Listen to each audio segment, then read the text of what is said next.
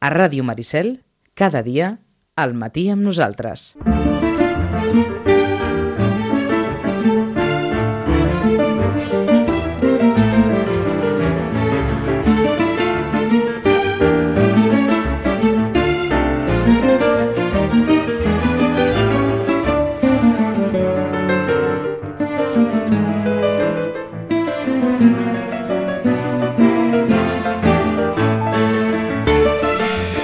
Rosana Lluc, bon dia i bona hora. Hola, bon dia. L'any Pedrolo. L'any Pedrolo, sí. Un any fantàstic per, per, per, per llegir, redescobrir, retornar a Pedrolo. Per mi, eh? Que no sé si és un autor que, que sovintegi a les llibreries. No, no, No. és. No, no, no ho és. Eh, ja saps que ara, doncs, bueno, eh, com tots els autors, cauen en l'oblit fins que algú el recupera. I no sé si al final vam comentar que, que s'havia tornat a, a publicar dues obres que estaven dintre de... Bueno, que estaven com a, com a oblidades, com a, que van ser aquelles de la censura, Mm. recordes? I bé, llavors mm, ara suposem que aquest any serà un llibre, uns llibres que estaran per totes les taules. Esperem, esperem, eh? La veritat és que ho esperem. No sé Mm, si... Pedrolo, que també va ser un, un d'aquells autors conegut especialment per ser un autor de lectura obligatòria Sí, a moltes escoles. a moltes escoles, sí. Jo crec que el mecanoscrit de segon origen ha estat doncs, un dels llibres que, que va, bé, jo diria que gran part, gran part dels nanos que han passat per l'escola eh, dels últims anys l'han llegit. Mhm. Per sort, eh? No, no, l'han sé, perdut, no sé eh? si també mm, mm, ha estat el primer i únic Pedrolo que, que, que han llegit. Mm, de vegades passa, sí. De vegades passa, eh? De vegades passa, si te'n recordes quan hi havia les, la col·lecció aquella de la cua de palla, hi havia Mm. uh, també cangur, del cangur i tal, doncs hi havia tot Pedrolo allà, eh? des de joc brut, vaja, jo, jo diria que tot, eh? Uh, de blau res, n'hi havia moltíssimes, però ara sí que um, hem de dir que a finals de mes ja es publica A l'ombra del crim, que és un recull que n'hi ha una trilogia de Blau Res, l'inspector Fatart i Joc Brut, tot en un mateix llibre, vale? perquè no diem, no? Uh, també l'últim mes es va publicar, com a negre, va publicar al novembre un, un llibre que, que és diferent de tot, vale? un llibre gran, uh, il·lustrat, que es deia El principi de tot, Mm. i alhora havia publicat aquest llibre que jo et deia de la Terra Prohibida, que era aquelles dues novel·les, que és el volum 1, Sí. Terra Prohibida, volum 1, que són aquelles dues novel·les doncs, que parlen d'això de postguerra i que són dues novel·les que en el seu moment doncs, la censura va ser una de les novel·les que també va, diguem-ne, mm, deixar part. Mm. Eh? Llavors, clar, um, va, va ser un autor molt prolífic, però no sé pas si al final va acabar sent un autor molt popular o no. Jo diria que en un moment, no sé, per, la, per nosaltres, per la meva generació, era un autor molt popular. Uh -huh. No sé si recordes, vull dir, no ho sé. Jo recordo que quan érem joves, això, abans d'entrar a la universitat, mm, llegíem com a, no?, com a tot el que tenia Pedrolo, no? Eh, no sé, des d'un amor fora ciutat, que va ser l'obra que ha tingut menys, menys, menys sort, diguéssim, eh, fins a bé, Joc Brut, eh, clar, el mecanoscrit era també un dels llibres que després s'ha fet molt més popular que el que era a la nostra època. Eh? Mm -hmm. I va ajudar també, com, com dèiem, el fet de la lectura obligatòria, el fet que hi hagués una, adapta, Exacte, una sí, adaptació televisiva de, Exacte. de l'obra, no?, del mecanoscrit. Tot això ha ajudat moltíssim i, i espero, no sé, a veure si aquest any doncs, l'inclou algú en, la, en, el, saps? en el programa, perquè ara fa temps que en Mecanoscrit no és una de les obres que, que, doncs, que recomanen l'escola. Ah no, no et deuen preguntar massa per Pedrolo la llibreria, no? No massa, No massa. però sí, sí, sí que s'ha de dir que, que doncs, ha sigut una sorpresa aquest, aquest llibre doncs, de, de com a negra, tant al principi de tot, Uh -huh. que s'ha traduït també al castellà, eh? Uh, I després també doncs, eh, s'han fet obres curtetes, com a Tocats pel foc, que l'ha fet Tigre de paper, saps? I penses, bueno, mm, s'ha anat venent, eh? Mm. S'ha anat venent, eh? I, I dius, bueno, no el demanen gaire perquè, doncs, eh, bueno, passa igual que tot, eh? tot es perd, en tanta, en tanta cosa pel mig. Per, de, per descomptar que tot es perd i els clàssics Tot també. perd, eh? Eh, Sí. volem, volem compartir amb la Rosana dos minuts. Són els dos minuts de l'única entrevista que en vida va compartir Manuel de Pedrolo. 1983, Televisió Espanyola, el circuit català, el Vostè Pregunta de Joaquim Maria Puyal. Encara que les noves generacions no s'ho creguin, va haver algun moment en què en els mitjans de comunicació hi havia un programa obert a què el públic preguntés als escriptors que és una qüestió que ara, diguem-ne que difícilment podem, podem contemplar d'una forma així tan oberta, eh? tres telèfons perquè la gent preguntés a Manuel de Pedrolo. I en aquests dos minuts hi ha algunes reflexions que ens poden ajudar a vestir Manuel de Pedrolo. Manuel de Pedrolo, qui ets tu? Bé, en realitat, un escriptor i algú que s'interessa molt per qüestions polítiques referides a tota la humanitat, però referides concretament al seu país, degut a les condicions en què es troba. Això ha fet de que no solament em dediqués a la part creativa de la literatura, sinó també a aquella part més de tipus assagista, com pot ser algun tipus determinat d'article, que són articles que, per exemple, anys enrere vaig fer a Serra d'Hort i parlem de que als anys 62 i vaig interrompre per causes de força major en aquell moment. Els articles que he fet en altres moments a Canigó i els articles que actualment estic fent a l'avui. Manuel, eh, tu què li has donat al teu país? Bé, suposo que l'esforç dintre el que he pogut fer, o sigui, les capacitats que tinc jo, petites o grosses, les he destinat, diguem-ne, ajudar el meu país, regalar el meu país, mirar de fer-lo sortir o ajudar a fer-lo sortir d'aquest atuïment, d'aquesta falta de consciència en què he caigut i que potser havia de caure per força, tenint en compte els darrers 40 anys que hem viscut i que n'ha bastat tres generacions ben bones de catalans. Si et dic que siguis honest, això no et costaria cap esforç, però sent honest, sigues també una mica eh, sacrificat en aquest cas, i digue'm què consideres que de bo de bo has donat tu i la teva obra a les lletres catalanes. Bé, llavors em, demanes potser que faci un judici de valor o de qualitat de la meva obra. No ho puc fer jo. D'intencions, sí. D'intencions sí, les intencions sempre són le- immillorables. O sigui, he volgut donar al màxim, he volgut fer una obra eh, que fos moderna, eh, que fos més o menys notable en el sentit aquest que hem dit d'incidència, que fos creadora, eh, que no s'estanqués precisament amb aquesta petita bassa nostra de granotes, sinó que sortís a fora, integrés altres coses d'aquest fora que a mi m'interessa moltíssim. Però jo no puc judicar si ho he aconseguit o no ho he aconseguit. Això ho de dir més que res als lectors, i no solament els lectors actuals, sinó els lectors que vindran, si en venen, si és que la meva obra d'una manera de perdure. L'única entrevista que va concedir en vida a Manuel de Pedrolo va ser aquesta. Puyal tenia 34 anys, Manuel de Pedrolo en tenia 65, moriria l'any 1990, i aquí hi ha més o menys una, una mena de declaració d'intencions de l'home que deia que hi ha una lectura per cada lector, o de l'home que deia que entendre la gent és molt difícil entre altres coses. Un, un escriptor compromès, un escriptor militant, per una causa, també la causa catalana, entre altres frases de Pedrolo, aquesta, encara que sigui una utopia, cal lluitar per la independència. Això, deia Pedrolo, deia en vida, poden suposar com viuria el moment actual un dels grans escriptors del segle XX a literatura eh, catalana. És probable, per tant, que tinguem novetats o més novetats a l'entorn de l'any Pedrolo, no?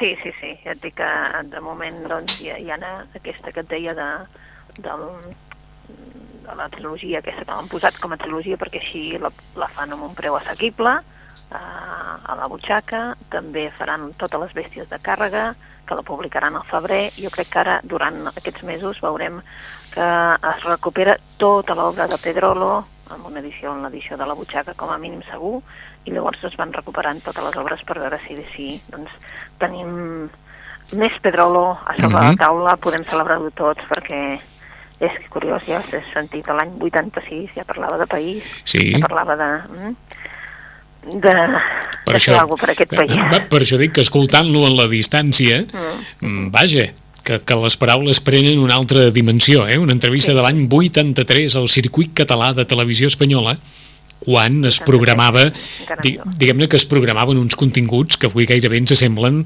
de ciència-ficció, tenint en compte l'oferta televisiva que hi ha eh, eh, a tot arreu, no? Quina època, no? Quina època? Vull dir que podies arribar Sí, a sí. escriptors, podies escoltar teatre, mm Mhm. podies veure teatre a la televisió. Sí, sí. Dit, dit quina així, època. quina època? No perquè no se'n pugui veure ara, sinó perquè ara és difícil que a les 5 de la tarda a les 5 de la tarda en un canal de televisió aparegui Manuel de Pedrolo entrevistat per algú. Digue'n-li, Manuel de Pedrolo, digue'n-li qualsevol escriptor dels actuals amb un presentador que s'ho té tot ben après i amb un públic que intervé, amb uns televidents que intervenen parlant de literatura. Vaja, que, que, que no s'estila que no s'estila això, s'estilen No, altres no, coses no, no. Moltes, no moltes, sort. moltes d'elles molt interessants però començant pel gènere d'entrevistes que ha quedat absolutament desbancat fins a, fins a acabar eh, sobretot a, a les persones que els agrada la literatura a una presència mínima, mínima dels escriptors en horaris de, de màxima audiència. Dues, eh, vaja, diguem-ne que dues propostes que seran sobre la taula de les llibreries ben aviat a final de mes, el Premi Nadal i el Premi Josep Pla. El Premi Nadal d'Alejandro Palomar, què, què en podem dir, Rosana? D'Alejandro Palomas és un autor que, que encara que no ho sembli, té un públic fidel. Ah Sí, la, la gent que llegeix, eh, que ha llegit, per exemple, una mare, un fill, doncs eh, eh, els hi agrada, els hi agrada moltíssim la novel·la i, i en volen més. Eh? Hem de pensar que també aquest senyor també ha escrit eh, literatura juvenil i llavors doncs eh, combina les dues, combina absolutament tot, però sí, és un públic que, que ja el busca, eh, de fet, eh, i per tant eh, suposo que tindrà un èxit mm, raonable, eh, el Premi Nadal aquest any, no sé, eh, esperem, esperem, perquè això, res, eh, el febrer està aquí, o sigui, Mhm. està a tocar ja. Eh? Un amor, aquest és el, aquest és el Premi Nadal i el Premi Josep Pla per Antoni Bassas i aquest, diguem-ne, aquesta, aquesta memòria de 14 anys al front de, dels matins de Catalunya Ràdio, Bon dia Catalunya, són les 8, aquest és el, el llibre d'Antoni Bassas, un llibre carregat de reflexions sobre, sobre tot allò que va deixar enrere quan va marxar de Catalunya Ràdio, sent líder d'audiència i tenint eh, allò un desencontre de criteri amb la direcció de, de l'emissora en aquell moment, però més enllà d'això el fet de com, de com un programa matinal a la ràdio pot esdevenir eh, el termòmetre i la crònica social del dia a dia d'una època històrica també molt, molt potent com la que li va tocar viure a l'Antoni Bassas. Aquest serà eh, també llibre que a principis de febrer el Premi Josep Pla estarà disponible. Sí, sí, aquest serà curiós de veure quina trajectòria té, perquè mm, no és una novel·la, Mhm. mm, li han donat el premi a un periodista, per tant, no, ell ja diu, jo no sóc escriptor, sóc periodista, i, i, i és allò que dius, bueno, estem en un moment també que suposo que sí que serà un, un, una obra que interessarà moltíssim, perquè l'Antoni Bassas és un autor ara molt seguit, no? però no, no estem expectatives, saps? És a dir, a veure, què, què passarà amb això? Serà uh, un llibre com, com normalment és un dels llibres que es venen més al, al, al Sant Jordi o serà un llibre per un públic diferent? Mhm. No ho sé. és Perquè curiós, de, eh? de Bassas hi havia alguna cosa editada? Jo diria que hi havia alguna cosa, però més aviat, saps, allò... No, Ho, no, ho no dic mirat, perquè en però- aquest cas, com a, com a articulista de l'Ara, no sé si en algun moment hi havia hagut algun recull d'articles com, com en el cas de Xavier Capdevila o, o, o no. Sí, però... mm, No, És que no és que diria, jo que- diria que no, em sembla que que, no que res és, eh, eh? diguem-ne que és el primer llibre així de- d'Antoni Bassas Jo diria que és el primer llibre. amb una certa, amb una certa entitat, Sí, eh? exacte. Eh? Vull dir que l'altre em sembla que són col·laboracions, això sí, saps? Però mm, com a llibre, llibre no. I ell ja ho Mhm. diu que escriptor no ho és, ja, ja al principi, ja ell com al principi ha dit ell, ojo, que no se'm compari que jo eh, sóc un periodista que ha fet aquesta, aquest recull, que, que, que ha pos- posat una distància en tot el que havia passat i llavors ho escriu. Mhm. Bé, Eh, Doncs bé, i, i el canvi d'any ens va tornar a portar també males notícies. La mort d'una de les dones escriptores, a les quals també s'hi ha referit la Rosana en més d'una ocasió. Sue Grafton. Sue Grafton.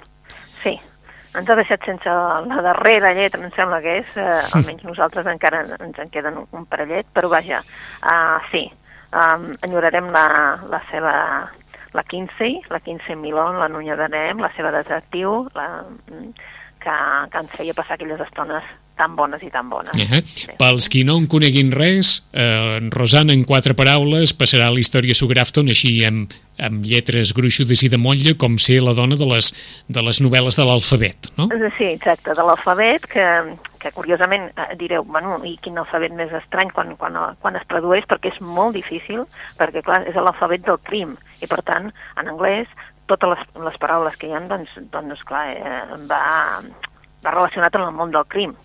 Mhm. Eh, Llavors, clar, al traduir-ho al català o al castellà, més al castellà, ho hem de dir, Sí. català sense glat, No encaixa sempre, això. no encaixa i llavors doncs, tenim uns noms bastant... Però vaja, eh? En realitat sempre va sobre el tema del, del, del llibre i per tant eh, són unes novel·les perquè quan tingueu allò que dius no puc més, doncs en, agafes una Sue Grafton i tu passes d'allò més bé i dius, bueno, ja se m'ha passat tot el que tenia. Mm -hmm. Es poden trobar molt fàcilment, no? Sí, sí, sí. Hi ha una lletra que no recordo ara quina és, que, que ens costa molt de trobar, que no s'ha reeditat en butxaca, però tot el reste estan en butxaca i són fàcils de trobar. Sí, Mhm. mm -hmm. Tusquet les té sempre amb, amb estoc. Doncs tancant tot aquest episodi que hem fet començant amb Manuel de Pedrolo i acabant amb Sue Grafton, vagin per endavant ara algunes recomanacions d'aquests primers dies de l'any. Bé, doncs eh, direm un altre dels èxits que hi ha hagut aquest Nadal, que és un altre d'aquells autors que també no el teníem oblidat, però sí que de tant en tant apareix a les taules, que és el Josep Pla. Mm -hmm. El Josep Pla ha fet tres edicions, hem fet tres edicions de fer-se totes les il·lusions possibles. Aquestes són les seves paraules. Res em fa il·lusió. Quan em parlen de la felicitat, la cursileria de la paraula em fa rebentar de riure. L'ideal consisteix en fer-se totes les il·lusions possibles i no creure en cap. Decepcionant, depriment, però què hi voleu fer? Uh, és un... És, és molt pla, això. És molt pla, eh? fer-se totes les il·lusions possibles i altres notes disperses. És el, seria el segon volum de, de, de notes disperses que tenia, no? Mhm. Que el primer va aparèixer el 69 i el segon doncs, no, no en teníem notícia, però ara doncs, apareix en, en l'edició de Destino i ha sigut curiós perquè des del primer dia que va sortir ha sigut doncs, diguem-ne, un bestseller en, entre cometes, no? Perquè és un llibre que dius, bueno, mm, no és una novel·la, no, és, és el pla, és el, de tota la vida, no? I són notes, per, per així. Doncs eh, tres edicions, eh? amb un pla doncs, totalment inèdit que no, no havíem conegut. I, si vols, parlem de les, de les primeres novetats. Sí, Eh? vinga. Les primeres novetats ara us hem de dir que el primer que ha sortit, com que estem al mes de gener, el primer primer que ha sortit són eh, literatura a, a petit preu, o a preu petit, com vulgueu, eh? Mhm. perquè ha sortit La Butxaca.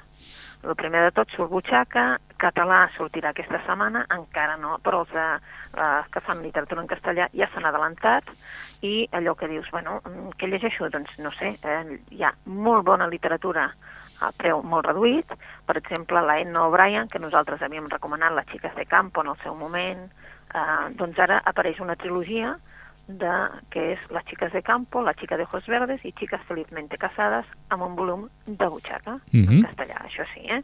Però és allò que dius, boníssima, una autora irlandesa, denostada per la, per la Iglesia, mmm, vaja, que li volien cremar les obres, etc etc perquè doncs, no parlava gaire bé de la Iglesia ni del món eh, irlandès, com si diguéssim, vull dir, tota aquesta educació catòlica, opressiva, etc etc surt a les seves novel·les i, per tant, és una delícia llegir la Edna O'Brien, i és això, per molt petit preu. Mm -hmm.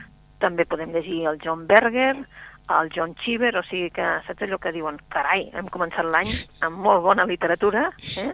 Ah, a preu de butxaca, suposo que per a, animar-nos. Eh? Eh, preu de butxaca què és, més o menys, Rosana? Bueno, eh, a veure, el... el Entre, el entre, entre bé, quan i quan?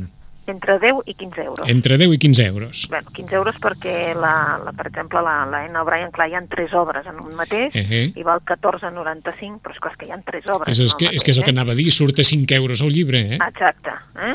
El John Berger, la trilogia aquella de Puerca Tierra, Una vez en Europa i Lila i Flac, també pel mateix preu. Tens tres obres per 15 euros. Vull dir que... I aquesta vegada la lletreta es pot llegir, eh? que això també és important, ja saps que és molt important per la gent que té, tenim una edat, Sí, això que, és molt important. que molt sovint en butxaca petit preu vol dir petita lletra, també. Petita lletra, i llavors, clar, no, no veiem res. Eh? Ah, Bé, Doncs una de les primeres obres també que ha sortit ara um, del James Elroy, que ja veiem que serà un dels autors eh, que li faran un homenatge aquí a la Setmana Negra de Barcelona. Ja saps que quan comença gener ja estem parlant en la estem pensant en la Setmana Negra.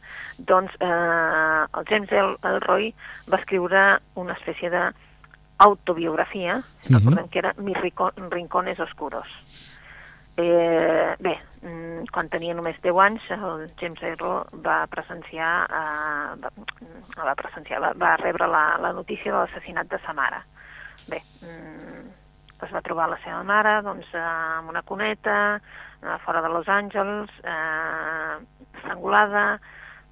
Bé, mm, li havien fet com de tot, diguéssim, i, i realment el, el cas no es va resoldre mai. Eh? Però, és clar, a partir d'aquest moment, pel James Elroy, eh, això li va marcar doncs, moltíssim la seva vida, i això va fer que ell es dediqués també a la novel·la negra, saps? Aquest, i que té aquest to tan fosc en les seves novel·les. Eh? Recordem que ell és l'autor de Los Ángeles Confidencial, La Dàlia Negra, el Jazz Blanco, mm -hmm. que Mhm. moltes s'han fet també. En cinema. Eh? Mhm. Exacte. Eh? Doncs ara eh, li donen el Premi Pepo Carballo 2018 a la Setmana Negra de Barcelona i eh, l'editorial pública mm, Mondadori publica Mis Rinconos Oscuros, que és realment que l'any 94 mm, ell va decidir descobrir la veritat sobre el crim que realment pesava sobre la seva so- sobre la seva vida, no? aquest crim sense resoldre de la seva mare, Sí. i el que fa doncs, és eh, contractar un detectiu i, i ajudar-lo a avançar en el cas perquè aquest cas estava tancat des de feia 20 anys, vull dir, no s'havia resolt i punt. Eh? I bé, ell el que vol realment, el que fa en aquest llibre és descobrir qui era la seva mare, eh, la relació de la seva mare amb el seu pare, amb ell, um, i a la part doncs, relata tota aquesta investigació, i llavors és com una espècie no?, de confessió pròpia, però alhora una mica crònica negra, perquè, és clar ens ha de relatar tot, exactament, tot el que va passar, no? Bé, és, és un llibre auto- autobiogràfic, però que, a més a més, doncs, està tan ben escrit que diem, bé, xapó pel James Elroy, si és capaç d'escriure això d'una cosa Mhm. que li va farpar tant. És el que anava a dir, això és un exercici personal, hem de Duríssim. suposar que demolidor, no? Sí. sí duríssim, duríssim. Duríssim. Eh? Duríssim. Jo Per crec, tant, eh? de, diguem-ne que és una obra que més enllà de la, de la, de la trama de novel·la negra que pugui, Sí. que pugui atrapar, atrapa també perquè és un- Sí. d'una contundència mm, potent. Sí, sí, és així. És que així. dius, Bueno, eh, volen, eh? Ho dic perquè és una lectura d'aquelles eh, per posar-se una miqueta bé, eh? Eh, Sí, Sí. sí, sí, sí, eh? perquè ja ho diu, eh? Mi rincón és oscuro. Oscuros, o sigui, queda clar. Queda clar cap on anem, eh? Anem eh, per una cosa gens, eh, gens agradable, eh? Ah, doncs de James Elroy ha acabat de sortir Mis Rincones Oscuros a partir de la investigació que ell mateix posa en marxa per, per escatir el crim de la seva mare estrangulada i a partir d'aquí surt la mare, la relació amb el pare, tot plegat. Eh? De James Elroy, Mis Rincones Oscuros. Més. Eh, Bé, doncs eh, novel·la, novel·la ha sortit la de Miquel Molina, eh, diem Miquel Molina perquè, malgrat que està en castellà, vale, és, un, és un periodista, un periodista que és el director adjunt de La Vanguardia, i bé, mm, és un periodista que s'ha dedicat també a fer cròniques sobre sobre, huracà, sobre els huracans Katrina, per exemple, etc. I el Miquel Molina ens presenta La Sonàmbula. Eh? La Sonàmbula ens parla d'una dona, eh, que és la Marta, que és una dona doncs, que és ja una exballarina, i ara el que fa doncs, és, evidentment, com moltes ballarines, donar classes de ball. Eh? Mhm. Però, esclar, um, degut a una lesió, com ha passat amb moltíssimes ballarines, doncs, l'únic que li toca és doncs, retirar-se i donar classes de ball. Clar, mm, què fa a part d'això? Doncs, bueno, es tanca a casa i, esclar, els, els pensaments doncs, la, li fan com de corcó i l'únic que fa és llegir i veure pel·lícules antigues. Un bon dia ha d'ajudar una veïna, una veïna que, que, bé, que sofreix un, un, un ictus, i llavors doncs, això la porta a una mica doncs, a, a fer el xafarder, a fer el xafarder a la vida d'aquesta veïna i mm, algú ha volgut, eh, doncs, eh, la veu amb una, amb una perruca, etc etc i llavors doncs, ell el que fa és eh, doncs, investigar una mica qui és aquesta persona, què ha passat, um, què ha passat, qui és aquesta noia rossa que estava allà amb, una, amb, amb, un, amb un llit i bé, quina relació té amb la família de què ella va anar a ajudar. En definitiva, um, és una obra curteta, que es llegeix amb un res i no res i que en definitiva fa una mica de paròdia d'aquelles novel·les indiscreta que sí. eh, doncs ell ha de fer el xafarder. D'acord, és doncs a dir, una... una, La sonàmbula també. una paròdia de les novel·les de, de voyeurisme.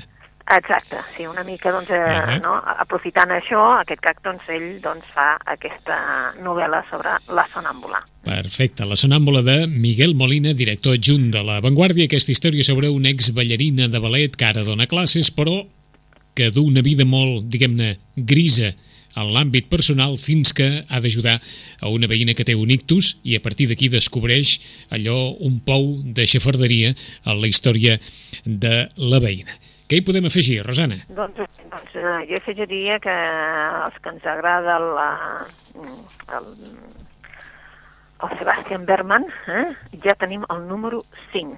És aquella sèrie del, de que el protagonista de les novel·les no és un policia, malgrat que són novel·les policíaques, sinó un psicòleg, un psicòleg que ajuda a la unitat d'homicidis. Uh -huh.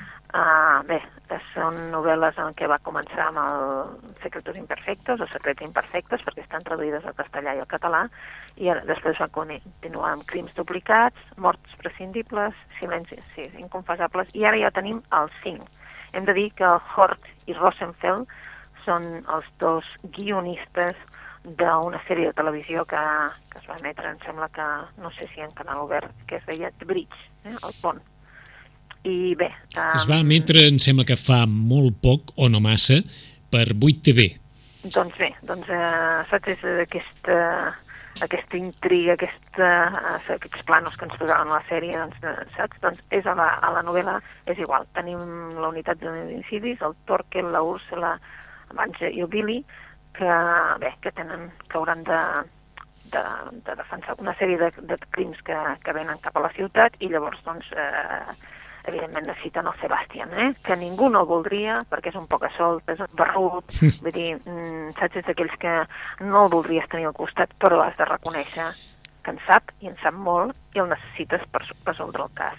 I això és el que els hi passa a la unitat d'homicidis, que no el voldrien tenir al costat, no voldrien que, treballar amb ell, però es troben que el necessiten. I a més a més han passat moltes coses, ell ha descobert uh, que té una filla, i doncs ja portem tres llibres que saps allò que estem amb això, eh? que la filla, sempre ell protegeix la filla, aquesta filla, perquè ell porta una motxileta important d'uns anys de la seva vida que han sigut també, que eren molt feliços però que van acabar uh, mm -hmm. molt malament amb un huracà. És un... es diu Castigos injustificados, suposem que també sortirà ara mateix la... avui ja deu sortir la, no, demà, perdona, el, la traducció al català, perquè portem un desfase aquesta setmana, però a partir d'ara doncs, sempre surten igual, saps? Però portem una mica de desfase en català, però vaja, res important. Ah, eh? Testigos injustificados, eh, m'has dit? Justificados. Justificados. Castigos, castigos justificados. Ah, castigos eh? o sigui, justificados, sí que anava sí. bé jo. Castigos, castigos justificados. justificados. Eh? I és la setmana doncs, que comencen a sortir les novel·les d'intriga, policíaques, jo no sé què, suposo que és per distreure'ns de tot absolutament. I ens surt un autor, que a nosaltres va ser una sorpresa el seu primer llibre, perquè era El dia que se perdió la cordura, perquè sense conèixer, sense saber qui era, ni res de res, eh, es va començar a vendre el llibre i la gent venia a buscar el llibre i tu deies què ha passat aquí, el dia que se perdió la cordura, i llavors ja resulta que aquest senyor ja té més de 100.000 lectors, i això és cert perquè són molt els del primer llibre, el dia que se perdió la cordura, i ara ens han publicat a El dia que se perdió l'amor, de Javier Castillo, també. Mm, la frase es, a veces el amor te pone en el camino equivocado para que sepas cuánto duele. Bé. Quina frase, eh? Torna-la Eh sí? torna, Pues- torna torna a repetir, Mira, Rosana. A veces el amor te pone en el camino equivocado para que sepas cuánto duele. A Salau. Eh? Eh? Una bona frase. Una bona frase. Una eh? bona frase. Doncs, eh? Eh, doncs ja tenim aquí doncs, un 14 de desembre, eh, una noia a les 12 del migdia, eh, es presenta una, aquesta noia doncs, plena de de cops i de tot, a, a, i totalment nua, es presenta a l'FBI de Nova York. Eh? I unes notes, unes notes a la mà. Clar, l'inspector que fa és descobrir què, què porta aquesta noia, que, que, quin, quin misteri hi ha darrere, quina connexió hi pot haver amb altres casos, perquè unes hores més tard doncs, eh, apareix una dona decapitada, um, eh, clar, el nom d'aquesta senyora que apareix decapitada estava en la nota que portava la noia a la mà. Bé, a, a partir d'aquí ja veieu que és un thriller d'aquells que dius, bueno, a veure, què passa més, no? doncs bé, eh? doncs eh, mm, s'avança la investigació i eh, evidentment doncs, hi haurà coses que seran, eh, seran ferides de, de l'investigador que s'hauran també de guarir. Mm -hmm. Javier El- Castillo, el dia que se perdió El, l'amor. el amor. Això serà una sèrie o, o, o què? Jo diria que sí, però jo no ho sabia i llavors la veritat és que t'haig de dir que jo ja em vaig tindre comandes aquests dies de Nadal i jo deia, no, però si això no ha sortit, vull dir, al Nadal no surt res, no, no, és que ara... Bé, I llavors resulta que és que sortia, és la primera obra que ha sortit, o sigui, va sortir el dia 9. Mm -hmm. El dia 9, la primera que va sortir va ser aquesta, el dia que se perdió l'amor, eh, saps? Vull dir, suposo que ell té molta connexió a les redes socials, ¿vale? perquè si no, no, no, no s'entén, i, i la veritat és que ja li han comprat les obres a altres països, saps? Mhm. Vull dir que a Itàlia, a Mèxic, a Colòmbia, mm, i sembla, sembla que faran fins i tot una sèrie de, de la primera, del dia que se perdia la cordura, per tant... Està cantat, això. eh? Està cantat, cantat això. Que sí, no? Vull Està dir cantat. Que, mm, vull dir, eh, 11, vull dir- 11 i 49 minuts i per acabar, a, a veure si ens trobes una cosa una mica menys, com ho diríem això, dramàtica. Menys dramàtica, doncs no. mira. Allò algú que digui, escolta, una cosa que no sigui tant d'investigació, morts, assassinats, etc etc, rins, co- racons foscos de la vida de les persones, una cosa una mica més... um, Doncs mira, hi ha una reedició de, Vinga. de, la, de la Margaret Atwood, ja sabeu que la Margaret Atwood des de que eh, es va reeditar el conte de la criada, el conte de la criada i va fer la sèrie, eh? Mhm. aquesta sèrie Netflix que ha tingut tant d'èxit, doncs ha sigut doncs, un no parar, perquè ara també li faran àlies Grace, amb la qual cosa doncs, mm, no sé si hi ha una estrenada o no, per tant la Margaret Atwood ha passat de ser una autora que la llegien quatre, perquè quatre vol dir una autora de renom literari, però no mm, que sonés com si fos un bestseller, no? Doncs ara eh, Editorial Lumen recupera eh, mm, La semilla de la bruja. Eh? Bé, La semilla de la bruja doncs, és un, una novel·la que no té res a veure amb tot això d'aquí, vull dir, és, eh, tenim un professor que passa al corre... perdó, un persona que es diu Fèlix que passa al correccional, al control de seguretat de, de, de Fletcher, Sí, eh, els guardians el miren, però aquest home per ells és eh, un home que es dedica a, al Duke, un home que es dedica a reorganitzar funcions de teatre pels reclusos. mm eh? -hmm. Um, bé, aquest mm, autor escollit és Shakespeare i l'obra és La Tempestat. Bé, a partir d'aquí veurem què passa, què passa als seus assajos, eh, els actors, què passa amb el, que, que es converteix, l'obra es converteix en una cosa molt personal, els reclusos s'ho prenen com a una cosa molt personal i qui descobreixen eh, mm, potser el Duke el que està fent també és preparar una venjança. És a dir, que si coneixem la tempestat, doncs ja sabem que sí que hi haurà una venjança. eh? d'acord. És a dir, enmig, enmig d'aquesta història que sembla tan edificant de Sí, sí, eh, proposar, proposar que els reclusos d'una presó interpretin la tempestat de Shakespeare, darrere això el director de l'espectacle planteja una una venjança. altra cosa. Una altra és cosa. Que la, és que la Margaret ha tot una obra tan senzilla, tan senzilla no la faria. És Ja dir, ja no- m'estranyava. Eh, saps? Vull dir, si no ens mou una mica l'ànima humana, o sigui, és allò que hi ha darrere de tots nosaltres, quin, què ens mouen, quins, quins desitjos ens mouen o què ens mou a nosaltres, és el que la Margaret Atwood sempre posa a les seves obres per tant seria molt difícil que no, saps, allò que fos tan pla i tan senzillet i tan fàcil de- d'assumir. Pues, Mhm. eh? Vull dir, és això. Eh, Llavors, a més a més, està plantejat també que posen tot, tot el que diran els actors, tot el que faran cadascú d'ells, i llavors es veien també doncs, cap on van les tornes. Mm? De Margaret Atwood, La semilla de les brujas. De la bruja. De la bruja. De la És bruja, sí.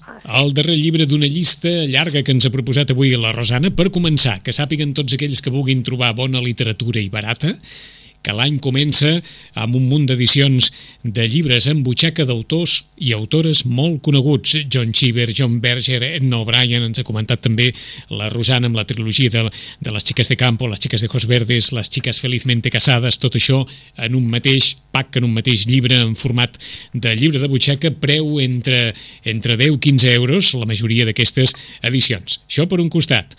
Que aquesta troballa de les notes de Josep Pla, de coses que quedaven pendents o que en el seu dia quedaren pendents d'editar, que s'editaren o que s'han retrobat hores d'ara, fer-se totes les il·lusions possibles i altres notes disperses, porta ja tres edicions de Josep Pla. O sigui que qui vulgui retrobar aquell, aquella ironia tan vidriòlica de l'autor empordanès, quan parla de la felicitat com una cosa, diguem-ne, que rinclona eh, a més no poder, doncs qui vulgui aquest pla, qui vulgui passar-se una bona estona amb aquesta visió tan, tan irònica i tan mordàs de, de la vida, aquest és el seu llibre i poc es veu de molts, perquè porta tres edicions de James Elroy. En recomana la Rosana, l'home que rebrà el Premi Pepe Carballo en la Setmana de Novel·la Negra de Barcelona d'aquest 2018, Miss Rincones Oscuros. Una història, una història que a part de ser una història de novel·la negra, és una història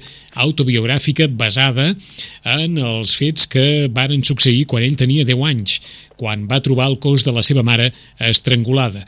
Recuperar la investigació d'aquest fet és el motiu central d'aquest llibre que destripa d'alguna manera eh, la relació entre els seus pares, la seva vida durant l'infantesa, etc etc. Mis rincones oscuros de James Elroy.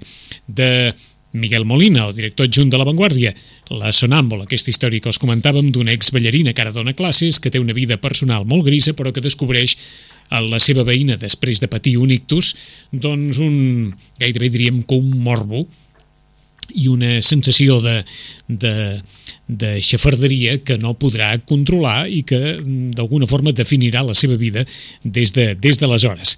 Castigos justificados la cinquena novel·la que té com a protagonista aquest, eh, diguem-ne, aquest psicòleg detectiu a qui ningú aguanta però tothom necessita, que és Sebastian Berger, i que protagonista eh, de, de moltes històries. Sebastian Berman, que és obra de Hort i Rosenfeld, doncs el cinquè llibre de Berman és ja a les llibreries i és Castigos Justificados, de Javier Castillo, el dia que se perdió el amor i de Margaret Atwood, com els comentàvem, La semilla de la bruja.